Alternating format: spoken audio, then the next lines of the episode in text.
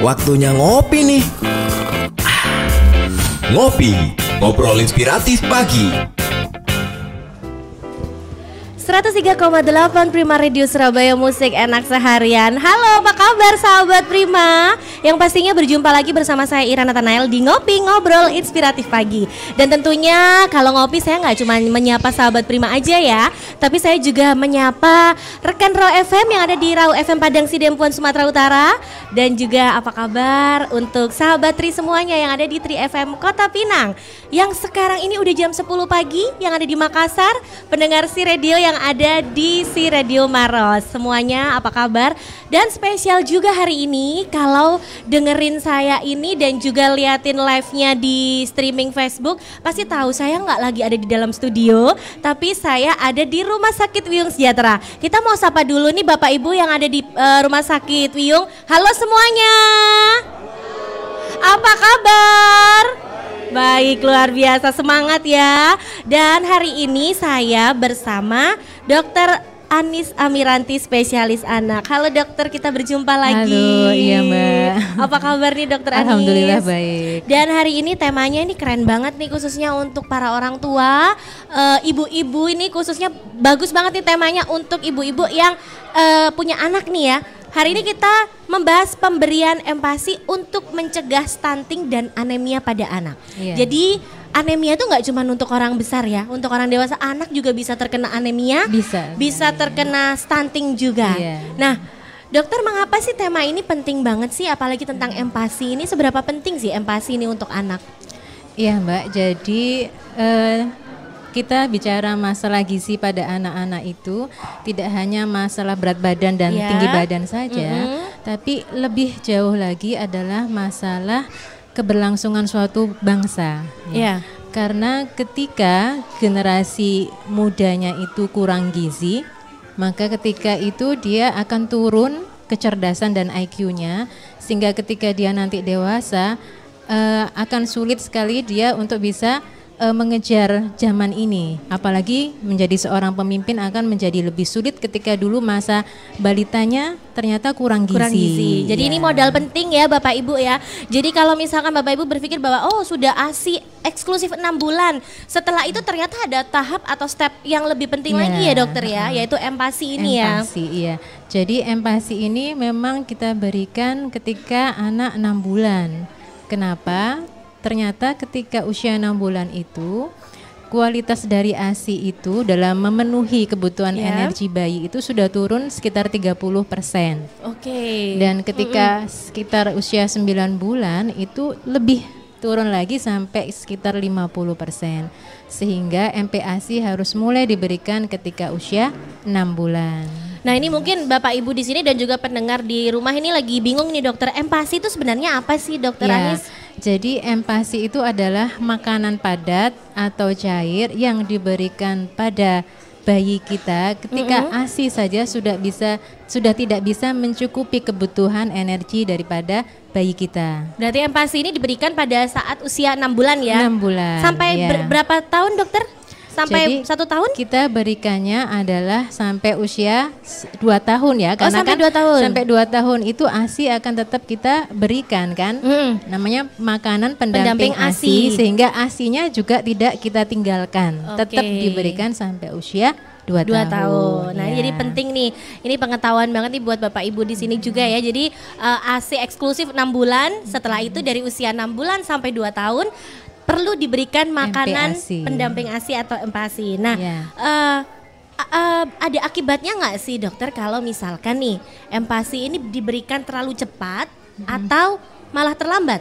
Ya, biasanya kalau di desa-desa atau ya. di zaman dulu nenek-nenek kita, zaman bah gitu itu ya, ya tiga bulan biasanya, udah dicekokin pisang tuh. Ya, biasanya satu bulan udah dikasih pisang ya. gitu kan.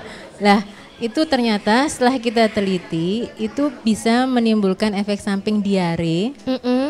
dan juga angka kejadian alergi meningkat ketika diberikan MPASI di bawah enam bulan. Karena belum waktunya Mengapa? Ya, Karena ya? enzim pencernaannya hmm. itu belum siap untuk bisa mencerna makanan padat gitu. Ada juga beberapa hmm. pasien itu yang ketika sudah dikasih pisang hmm. ya maka dia itu ususnya itu menjadi kayak tersumbat gitu. Karena kan enzimnya belum Iya. bisa mencerna Iya. pisang gitu. Mm-mm. iya mbak. Berarti bahaya juga ya dokter ya? bahaya gitu. Jadi ini perlu kita sampaikan juga kepada kepada nenek-nenek ya. Ya. mungkin ibunya sudah paham ilmunya ndak boleh enam bulan. Tapi neneknya sudah maksa gitu ya. Akhirnya udah kalah ibunya. Lah ketika misalnya MPASI itu diberikan terlambat itu juga tidak disarankan. Karena akan e, menurunkan daripada status gizi anak karena tadi ASI saja sudah tidak cukup gitu Nah, eh, dokter sebenarnya eh, kandungan atau MPASI yang tepat itu yang seperti apa sih dokter? Iya, jadi Apa cukup kandungan cuman pisang aja biasanya Ah, gitu, buah betul. aja Ah, gitu? nggih.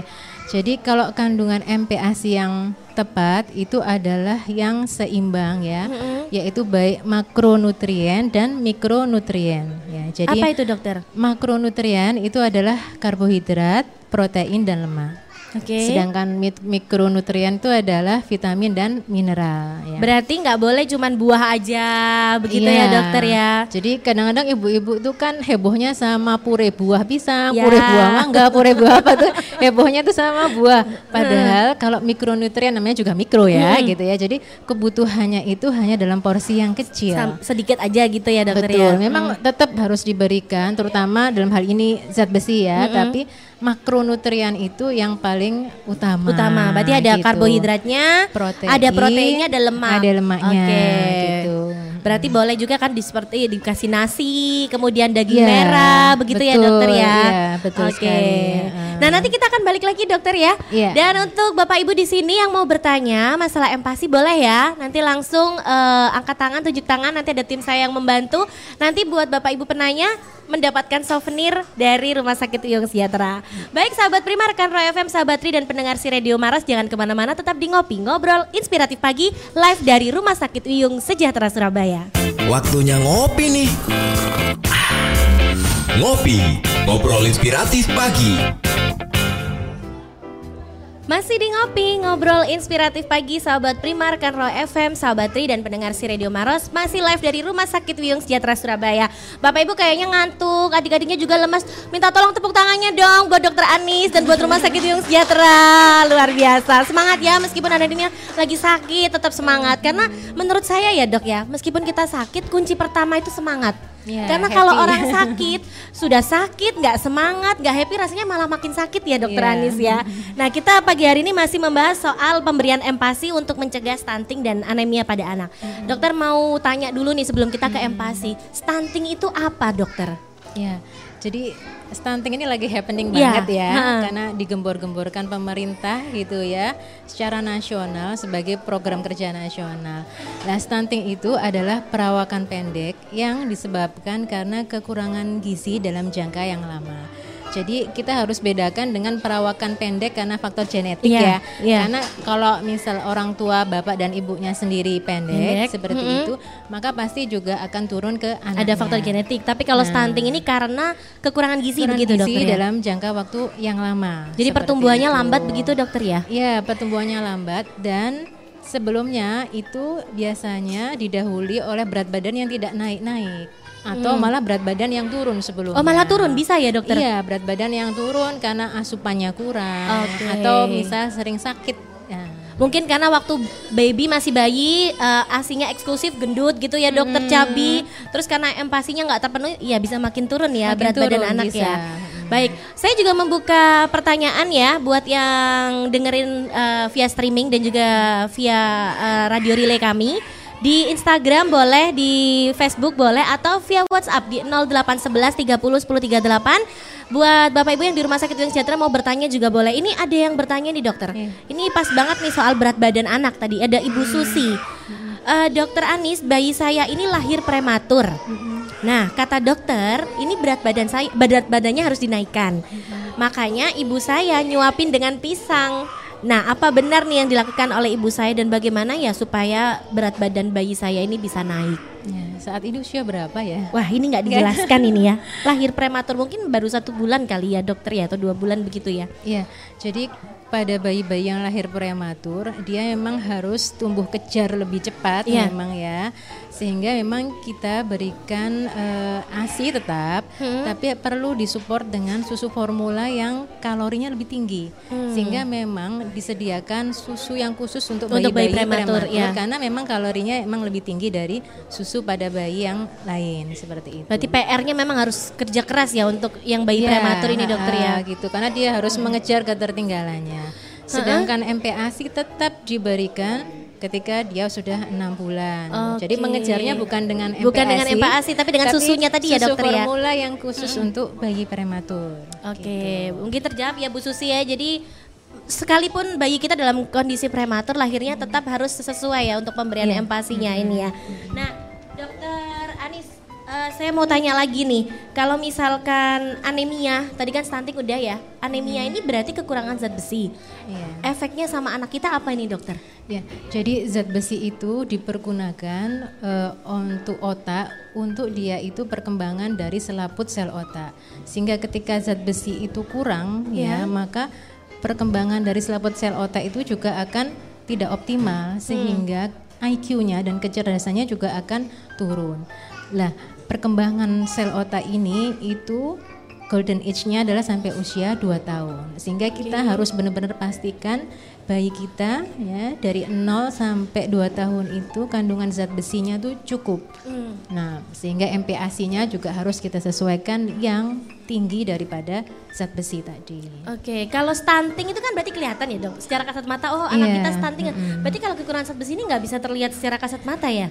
Bisa terlihat dari pucat ya Oke. daripada tangannya, dari konjungtiva matanya dan kelihatan anak-anak yang kurang zat besi itu dia itu motoriknya itu lebih Lambat? terlambat karena kan lemas ya Mbak, Iya. zat besinya kurang sehingga lemas sehingga dia malas beraktivitas sehingga kadang itu fasenya dia sudah harus berjalan dia belum berjalan, waktunya merangkak belum berangkat dan sebagainya seperti itu. Oke, nah ini bisa jadi catatan nih ya buat para orang tua nih ya. Berarti kalau anak kita kekurangan zat besi tadi tanda-tandanya juga bisa dilihat dari itu ya dokter Anis ya.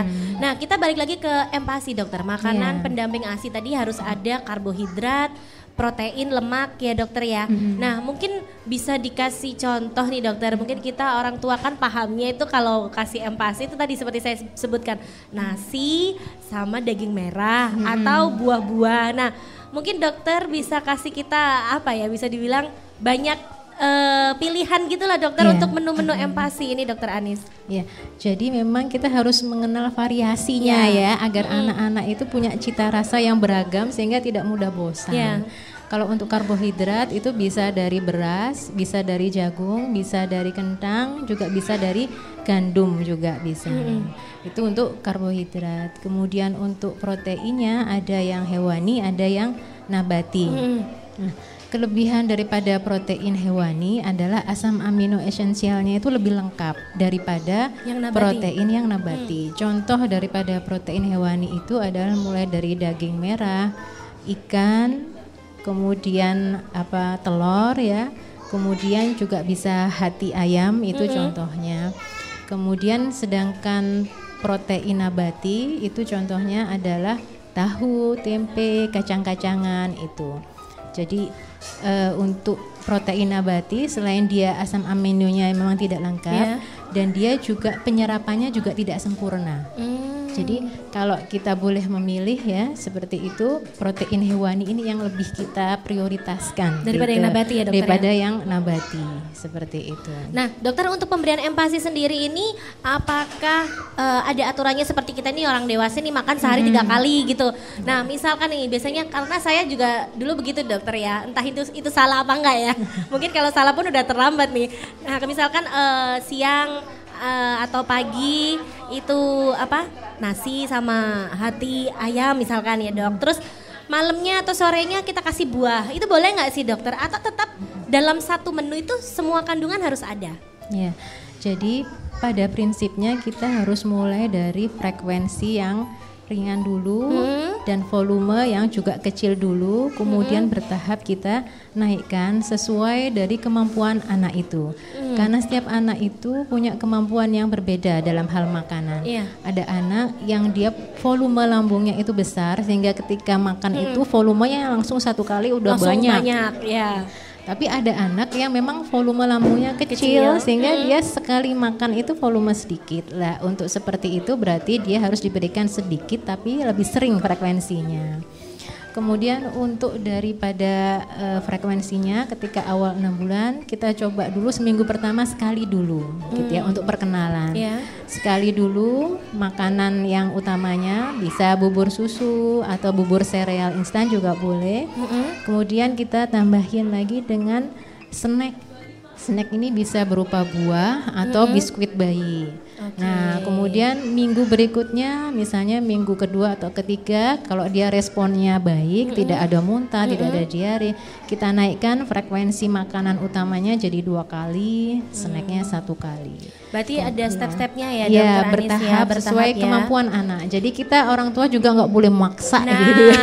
ini nih ya biasanya catatan penting nih buat ibu-ibu biasanya soalnya kan para mama itu kan biasanya suka membandingkan anak kita dengan anak orang nih dokter ya. Iya. Biasanya tuh tetangga tuh anaknya makannya bisa banyak loh ya. Iya. Anakku kok enggak padahal porsinya memang setiap anak beda ya dokter. Lambungnya Lam- ukuran beda-beda. lambungnya beda juga ya. Oke, Iya. Bapak Ibu silakan kalau yang mau bertanya bisa angkat tangan yang mungkin ada pertanyaan. Oh ini Mbak yang di depan ini ada yang bertanya. Bisa sebut nama, kemudian dari mana nanti dapat merchandise cantik dari Rumah Sakit Wing Sejahtera. Dengan Mbak atau Ibu siapa ini? dengan Ibu Ica Ibu Ica dari dari Wiyung. Dari daerah sini ya. Daerah sini. Ada pertanyaan apa nih Bu Ica? Eh, kalau misalnya makanan untuk eh, anak usia 6 bulan itu setiap harinya makan misalnya kayak bubur siap saji gitu, itu bagus nggak sih Oh, dok? yang instan-instan di luar itu yang gitu, dijual iya, itu ha. ya. Oke. Itu Terus udah termasuk ada semuanya itu loh dok? Atau Kandungan gitu, ha, Itu aja Itu pertanyaan. aja. Makasih, Eh iya sama Ah, satu lagi, ah, ah. boleh nggak dikasih garam atau gula Oke. dalam makanan MPASI-nya? Ya, makasih Bu Ica. Wah ini pertanyaan bagus nih dok. Orang tua biasanya kadang udah malas ribet ya nggak mau bikin sendiri. Ada Iya. bubur instan bubur instan yang dijual tuh. Boleh nggak sih dokter Anis? Ya, jadi semuanya baik yang homemade kita bikin sendiri maupun yang pabrikan yang kita beli bubur sereal itu semuanya ada eh, positif maupun negatifnya masing-masing iya. ya. Jadi kalau kelebihannya daripada yang pabrikan itu semuanya itu kandungan kalorinya itu sudah tercukupi dalam volume kecil tapi dia semua kandungnya sudah ada baik makronutrien maupun Mikronutrien. mikronutrien karena dia biasanya sudah difortifikasi atau ditambahkan dengan zat besi di dalamnya. Iya. Itu. Jadi ibu sudah nggak usah pusing-pusing lagi, harus memberikan dalam jumlah yang besar, harus nimbang dan Karena udah sebagainya. lengkap di situ ya, Karena udah ya? lengkap di situ. Cuma kekurangannya dari Kekurangannya, bubur sereal pabrikan itu adalah karena variasi rasanya kan tidak bisa macam-macam Ya, gitu betul. ya. Kemudian kalau untuk yang homemade itu kekurangannya adalah eh, kita harus butuh volume besar untuk mencapai kalori maupun Ya. zat besinya. Contoh misalnya untuk zat besi itu dia dibutuhkan kalau untuk daging merah itu sekitar satu setengah apa namanya kayak daging stick orang dewasa. Jadi kan banyak gitu ya. iya, iya, iya. Untuk tercukupi eh, dalam satu hari itu kebutuhan zat besinya. Atau kalau hati ayam itu tiga hati ayam. Wah banyak juga Jadi ya kan untuk ukuran anak, anak- ya. agak berat ya Iya. untuk makan tiga hati ayam gitu dalam satu hari lah. Emang kekurangannya itu dia dia butuh harus banyak gitu ya untuk tercukupi. Tapi kelebihannya kita bisa mainkan variasi rasa dan juga pasti dia lebih Ya, fresh lebih kan. fresh, berarti. ya. Jadi kalau saran saya bisa kita mix aja. Di mix aja dokter Anis ya. Iya, misalnya kita pagi masih nggak ribet, mungkin kita masih bisa bikin yang homemade. Mm-mm. Terus kemudian siang kita kan kerja mungkin ya, titip sama neneknya. Lah Bikin itu yang instan.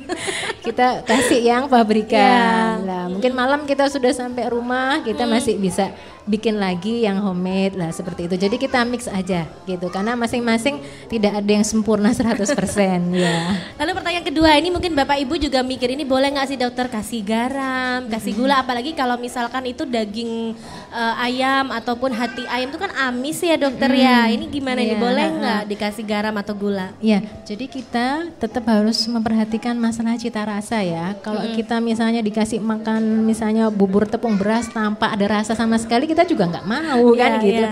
Jadi kita tetap ap- eh, apa namanya salurkan cita rasa anak-anak. Kita boleh menambahkan sejumput saja gitu ya, garam maupun sejumput saja gula agar anak-anak mengenal cita rasa dari awal. Karena juga anak-anak sebetulnya juga membutuhkan natrium juga. Iya. Jadi boleh tapi tidak dalam jumlah yang besar, sejumput aja. Oke, ini pertanyaan terakhir mungkin ya dokter ya. Ini dari Novita. Ini bagaimana ini cara untuk membujuk anak supaya mau makan empasi karena bayi saya belum doyan. Maunya kan susu terus. Nah, apakah kebutuhan gizinya bisa terpenuhi tanpa empasi? Iya, eh, jadi kita harus terapkan namanya feeding rules ya. Jadi feeding rules itu yang pertama adalah ibu menyiapkan gitu ya anak yang memutuskan sejumlah apa sebanyak apa yang kita berikan. Jadi memang tidak boleh memaksa. Terus yang kedua pemberian makan itu hanya cukup 30 menit.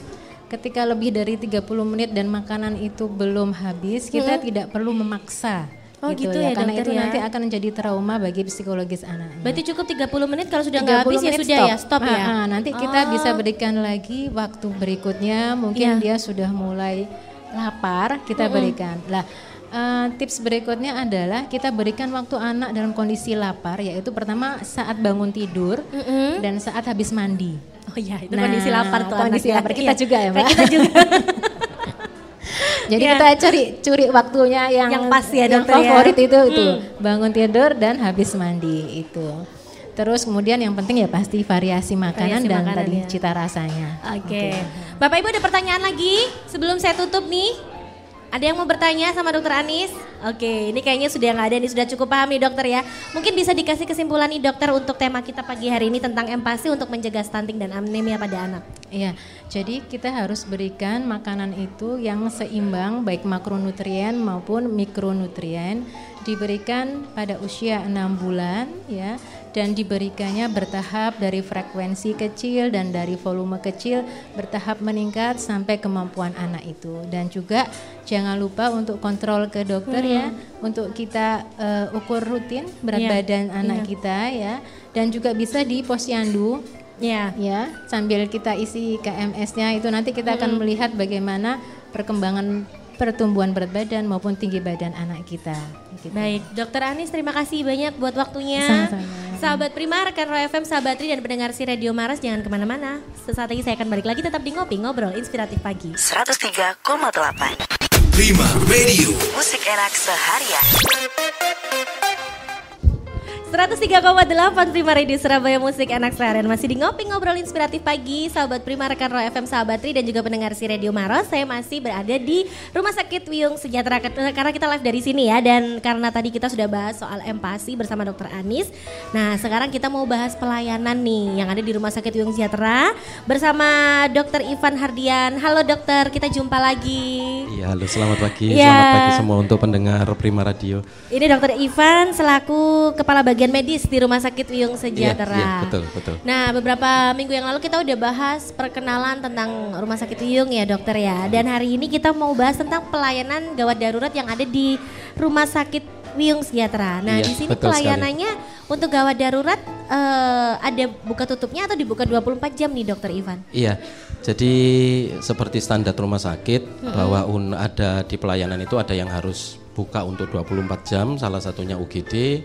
Jadi IGD kami tetap mengikuti uh, acuan panduan kebijakan, unit kami buka 24 jam. Ya. Jadi di sana semua pelayanan semuanya sudah standby. Jadi ada pasien atau tidak uh, Ada yang Tetap jaga lah sudah istilahnya jaga, ya. ya, betul. Ada dokter, ada Nggih. perawat begitu ya, Betul, dokter ya. ya. Eh, ada berapa eh, dokter atau tenaga medis yang bertugas di IGD? Iya, eh, dalam satu kali waktu dinas itu dokter yang berdinas di tempat kami ada ada dua, Mbak. Iya. Jadi ini untuk mengantisipasi atau untuk memfasilitasi jumlah pasien, gitu ya. Jangan sampai nanti pasien ini yang datang harus menunggu. Iya. Karena kalau di IGD konsep pelayanan yang ada di tempat kami ini untuk IGD-nya menggunakan pemilihan pasiennya menggunakan ATS namanya Mbak Aus- Apa itu, Dok? Australian Triage Scale. Jadi pelayanan di IGD mengacu kepada kondisi pasien. Jadi kondisi pasien yang eh, yang buruk yang masih bisa diselamatkan itu yang didahulukan. Oh. Gitu. Jadi mungkin beberapa pasien atau beberapa orang di luar sana menganggap kalau di IGD antrinya lama. Nah, sebetulnya itu bukan antri, tapi mendahulukan kepada mereka yang memang membutuhkan pelayanan lebih dahulu, mengingat kepada kondisi kegawat daruratannya. Jadi lihat kondisinya ya yang Betul, gawat darurat itu betul, ya. Jadi bukan iya. masalah antrinya ya dokter Betul. ya. Jadi di IGD tidak boleh antri malah. Jadi kalau pasien datang ke IGD harus antri, harus bayar. Nah ini malah nggak betul. itu nggak boleh. Jadi karena gawat darurat konsepnya mereka datang, mereka sudah bisa langsung ketemu dokter. Nah di tempat kami ini punya respon time. Jadi kalau pasien dengan gawat darurat masuk ke UGD itu wajib sudah ditangani ketemu dengan dokter ini lima menit paling lambat. Gitu. Untuk dokter yang ada di IGD ini ada standarnya nggak sih dokter? Iya, betul sekali. Jadi karena penanganan kasusnya ini tidak seperti kasus yang lain di Iya. gawat darurat, maka untuk dokter IGD ini diwajibkan mempunyai standar kualifikasi tertentu. Jadi ada untuk dokter UGD itu standar kualifikasinya harus bersertifikat ATLS dan ACLS. Jadi ATLS ini adalah sertifikasi untuk penanganan trauma. Kemudian yang ACLS adalah untuk penanganan kegawat daruratan di bidang kardiovaskuler, di bidang jantung. Gitu, Pak. Untuk fasilitas yang ada di IGD mungkin ada berapa kapasitas gitu dokter? Ya, eh, UGD kami cukup eh, cukup luas ya kalau dari kelas rumah sakit. Jadi kami memiliki total ada 10 bed. Jadi yang empat bed di depan itu untuk triase dan untuk penanganan kasus yang tidak gawat tidak darurat. Kemudian yang empat bed untuk untuk penanganan lanjutan yang gawat darurat. Kemudian ada dua bed untuk penanganan kasus isolasi. Jadi yang isolasi ini maksudnya untuk kasus-kasus kegawat daruratan yang disebabkan karena penyakit-penyakit yang menular atau yang berpotensi tertular dengan kondisi yang mungkin autoimunnya lemah gitu di Iya. eh, bisa ditempatkan di ruangan khusus. Jadi ini tertutup, tidak te- aksesnya tidak bebas. Jadi ada ruang isolasi di IGD. Kita punya dua bed di sana. Oke. Gitu. Lalu untuk peralatan medisnya sendiri yang ada di UGD Rumah Sakit Uang Sejahtera, fasilitas eh, peralatannya ada apa aja nih Dokter Ivan? Iya, tentunya untuk memberikan pelayanan yang optimal selain tenaga, tentunya memang dibutuhkan peralatan-peralatan penunjang yang eh, sesuai. Iya. Nah di UGD kami, kami sudah menyiapkan untuk peralatan ada bedside monitor. Jadi bedside monitor itu monitor yang biasanya kalau kita lihat itu ada gambar seperti gelombang apa namanya atau sandi-sandi rumput itu Hmm. Iya, ya untuk iya. gelombang jantung untuk memantau mengenai Detak eh, jantung detak itu ya, jantung. ya. Iya, kemudian di sana juga bisa dipantau mengenai eh, kadar oksigen darah. Jadi monitor ini digunakan untuk secara cepat memantau mengenai kondisi pasien sehingga bisa diantisipasi kondisi-kondisinya. Kemudian kita juga mempunyai eh, DC shock. DC shock ini alat kejut Dok? jantung. Oh, alat kejut Iya, jantung, iya. Jadi digunakan biasanya memang untuk mereka yang kasus gawat darurat, kemudian terjadi henti jantung atau kemudian ada gangguan irama jantung. Nah, biasanya kalau bahasa awamnya di reset gitu ya. Iya, iya. Dikejut itu di reset supaya iramanya balik lagi. Disetel atau- ulang ya? Ah, inji, betul. Jadi semua peralatan itu sudah tersedia di sana di IGD yang memang kembali tadi sepa- seperti yang saya sampaikan di awal untuk menunjang pelayanan terutama untuk kompetensi-kompetensi yang kegawat daruratan. Nah, dokter ini mungkin ada pertanyaan juga nih ya dari eh, teman-teman yang ada di sini dan juga di radio yang merile. Nah, biasanya kan juga ada dokter kondisi pasien yang tidak memungkinkan nih untuk datang sendiri. Iya, nah, iya. disediakan ambulans nggak atau misalkan ya mohon maaf ini jangan sampai terjadi misalkan ada kecelakaan di jalan, kemudian kami membutuhkan ambulan untuk bisa cepat datang eh, dan ditangani di rumah sakit Wiyang Sejahtera. Iya. Ada iya. tersedia juga ya Ah, dokter? betul. Jadi secara umum kan sebetulnya IGD ini adalah eh, keunggulannya salah satunya untuk memberikan kemudahan akses. Iya. Gitu ya. Jadi karena sifatnya kegawat daruratan, maka waktu adalah menjadi pertimbangan besar. Iya. Jadi kalau waktunya cepat bisa segera datang, segera bisa ditangani, maka resiko kecacatan atau kematian juga menjadi lebih kecil. Iya. Oleh karena itu, kami memberikan kemudahan dalam bentuk akses. Akses salah satunya adalah kami menyiapkan dua ambulan, Mbak. Jadi ada dua ambulan transport dengan satu ambulan ini yang standarnya sudah standar gawat darurat. Jadi eh, satu ambulan yang dengan peralatan kegawat daruratan lengkap di dalamnya. Hmm, berarti di dalamnya udah bisa ditanganin gitu ya dokter Nggih. pasiennya dalam selama masa Ah, ah, perjalanan ke betul. rumah sakit ya. Jadi maksudnya sih sebetulnya penanganan pasien itu sudah mulai bisa diberikan pre-hospital, Mbak. Jadi Iya, pre-hospital itu ketika kita sampai di lokasi, kita sudah bisa mengidentifikasi kebutuhan pasien, kemudian kita sudah bisa langsung menangani sesuai dengan apa yang terjadi di lokasi saat itu. Gitu. Oke, jadi sudah ada dua ambulan, satu ambulan dengan standar tadi itu ya dokter Nggih, ya. betul. Ada tim-tim yang kompeten juga ya dokter Iya. ya. Jadi untuk kasus eh, apa namanya tadi penjemputan Iya. atau untuk kebutuhan penanganan gawat darurat ini yang berangkat memang bukan eh, bukan perawat-perawat atau dokter yang tidak terlatih. Jadi Iya. memang yang sudah terlatih di Dan bidangnya. bukan hanya driver ambulannya saja betul ya. betul. Kalau nanti jadi ojol nanti ya. jadi kayak ojek online dokter. iya.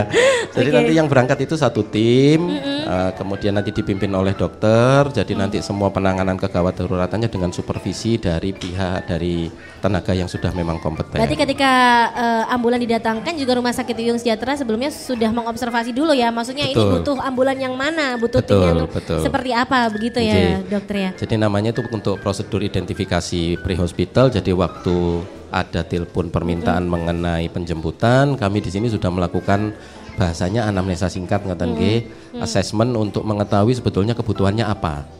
Nah, nanti supaya tenaga, peralatan maupun kendaraan yang dibawa ini sesuai. Begitu. Ini juga timnya 24 jam pasti kan? Betul, 24, 24 jam, jam. betul, melayani. betul. Nah, Dokter Ivan sebelum nanti di-share juga nih untuk akses komunikasi di Wiyung Sejahtera ini hubungi di mana begitu ya. Kemudian nomor emergensi dan juga media sosialnya. Mungkin bisa direview kembali nih Dokter eh, tentang pelayanan gawat darurat di Rumah Sakit Wiyung Sejahtera. Iya.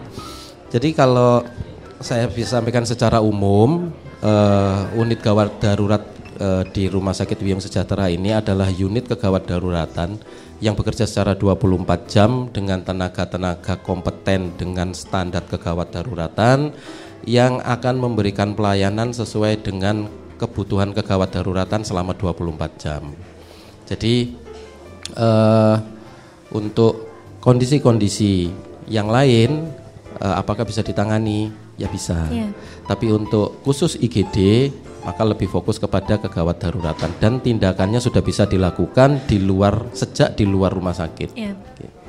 Termasuk tadi di, di ambulan ya, ketika pesan ada pasien gawat Iya, dan harus segera ditangani sebelum tiba di rumah sakit Iya, iya. Nah, dokter kalau misalkan ini eh, sahabat Primar karena FM sahabati dan pendengar si Radio Maros eh, pengen tahu nih eh, di media sosial nih Rumah Sakit Wiyung Sejahtera dan juga nomor-nomor emergensi yang bisa dihubungi. Silahkan dokter Ivan bisa Iya, di-share. nggih. Untuk kali ini saya eh, kami khusus ingin menginformasikan bahwa salah satu kemudahan yang diberikan adalah komunikasi. Iya. Untuk itu kami menyiapkan nomor khusus untuk kegawat daruratan. Jadi nomor ini tidak masuk di nomornya apa namanya extension rumah, Rumah sakit. sakit, ya. Jadi ini adalah nomor mandiri IGD. Di nomor untuk kegawat daruratan monggo silahkan apabila membutuhkan pelayanan IGD bisa menghubungi di nomor 0811 378 118. Jadi supaya lebih mudah diingat sebetulnya kata di belakangnya seperti kegawat daruratan adalah 118. Jadi saya ulangi nomor emergensinya adalah 081 130 78 118. Oke, ini eh, dokter ini ada pertanyaan ini dari Bagio. Ini bisa nggak sih kalau daftar itu melalui online ke poli spesialis atau apakah harus daftar lagi ketika sudah sampai rumah sakit atau cukup lewat online saja? Iya. Eh, jadi di zaman sekarang sih sebetulnya Iya. ya sudah tidak bisa lagi nih eh, di luar pelayanan gawat darurat. Jadi pelayanan yang baik adalah tentunya pelayanan yang mengacu kepada kebutuhan masyarakat. Iya. Di era sekarang tentunya kita tidak bisa menghindari lagi era digital. Kalau dulu harus datang, harus datang sendiri, harus bayar dulu. Nah sekarang di tempat kami ini ada kemudahan untuk pendaftaran secara online. Iya. gitu ya. Jadi eh, kami dibantu oleh pihak eh, Halodoc. Gitu ya. Kebetulan sudah bekerja sama dengan Halodoc untuk membantu pendaftaran secara online. Jadi nanti tinggal menghubungi nomor telepon. Ini kebetulan kok saya belum catat nomor teleponnya. Jadi nanti bisa dihubungi Jadi nanti sudah dipesankan nomor eh, nomor antriannya. Jadi nanti pasien tinggal datang dengan nomor antrian yang sudah diinformasikan sebelumnya. Berarti lewat online itu sudah cukup ya, tinggal Sudah cukup. datang udah nggak nggak perlu daftar lagi ya, udah dapat nomornya begitu ya dokter Jadi ya. Hmm. nanti secara prosedur kurang lebihnya mendaftar di online, nanti didaftarkan dan nanti diinformasikan kembali kepada pasien bahwa nomor antriannya adalah nomor sekian. Nanti bisa datang jam sekian gitu. Oke, eh, Dokter Ivan, karena waktunya juga sudah terbatas ini Iya, ya, kita iya. udah waktunya berpisah. Ini mungkin untuk masyarakat Surabaya khususnya eh, bisa apa bukan ajakan ya, karena kita juga nggak berharap orang sakit ya, tapi seperti eh, memberikan bahwa eh, Rumah Sakit Wiyung Sejahtera ini adalah rum- salah satu rumah sakit yang bisa mm, menjadi terbaik lah, salah satu rumah sakit terbaik di Surabaya. Silahkan Dokter Ivan. Iya. Jadi kembali lagi nama pe- pelayanan kesehatan ini tentunya bukan memberikan apa namanya eh, sepertinya kok jadi doa ya Nah, jadinya makanya. gitu ya untuk mereka yang sakit. Tapi sebetulnya bahasanya adalah kami ingin memberikan informasi sebanyak-banyaknya mengenai kemampuan supaya pasien supaya masyarakat di sekitar kami ini mempunyai kepercayaan. Iya. sehingga beliau-beliau ini apabila nanti mendapatkan kesulitan atau membutuhkan pelayanan kesehatan tidak perlu lagi mencari jauh-jauh. Gitu ya. Jadi cukup melihat bahwa di sekitar tempat tinggal mereka ada rumah sakit Wiyung Sejahtera yang secara kompeten mampu memberikan pelayanan kesehatan dan khususnya pelayanan gawat darurat. Oke, baik. Ini saya juga mengingatkan nih buat eh, bapak ibu yang hadir di sini, Dokter Ivan dan juga sahabat Prima, rekan Roy FM, sahabatri dan pendengar si Radio Maros, bahwa tanggal 22 Februari nanti akan ada Fun Talk Show Sex Prima Radio bersama Rumah Sakit Wiyung Sejahtera. Fun Talk Show Sex. Nah, ini pasti banyak banget yang seneng nih temanya ya. Jadi nantikan di tanggal 22 Februari 2020. Dokter Ivan, terima kasih banyak. Terima kasih banyak, Makasih ya. juga buat Terima kasih. semua Bapak Ibu di sini boleh tepuk tangannya dong buat Rumah Sakit Yung Sejahtera. Dan sahabat Prima, rekan Ro FM, sahabat Tri dan juga pendengar si Radio Maros, demikian ngopi untuk edisi hari ini live dari Rumah Sakit Yung Sejahtera. Ira pamit dan jangan lupa dengarkan ngopi setiap hari Senin sampai hari Jumat dari jam 9 pagi sampai jam 10 pagi waktu Indonesia bagian Barat tetap di 103,8 Prima Radio Surabaya, musik enak seharian. 103,8 Prima Radio Musik enak seharian.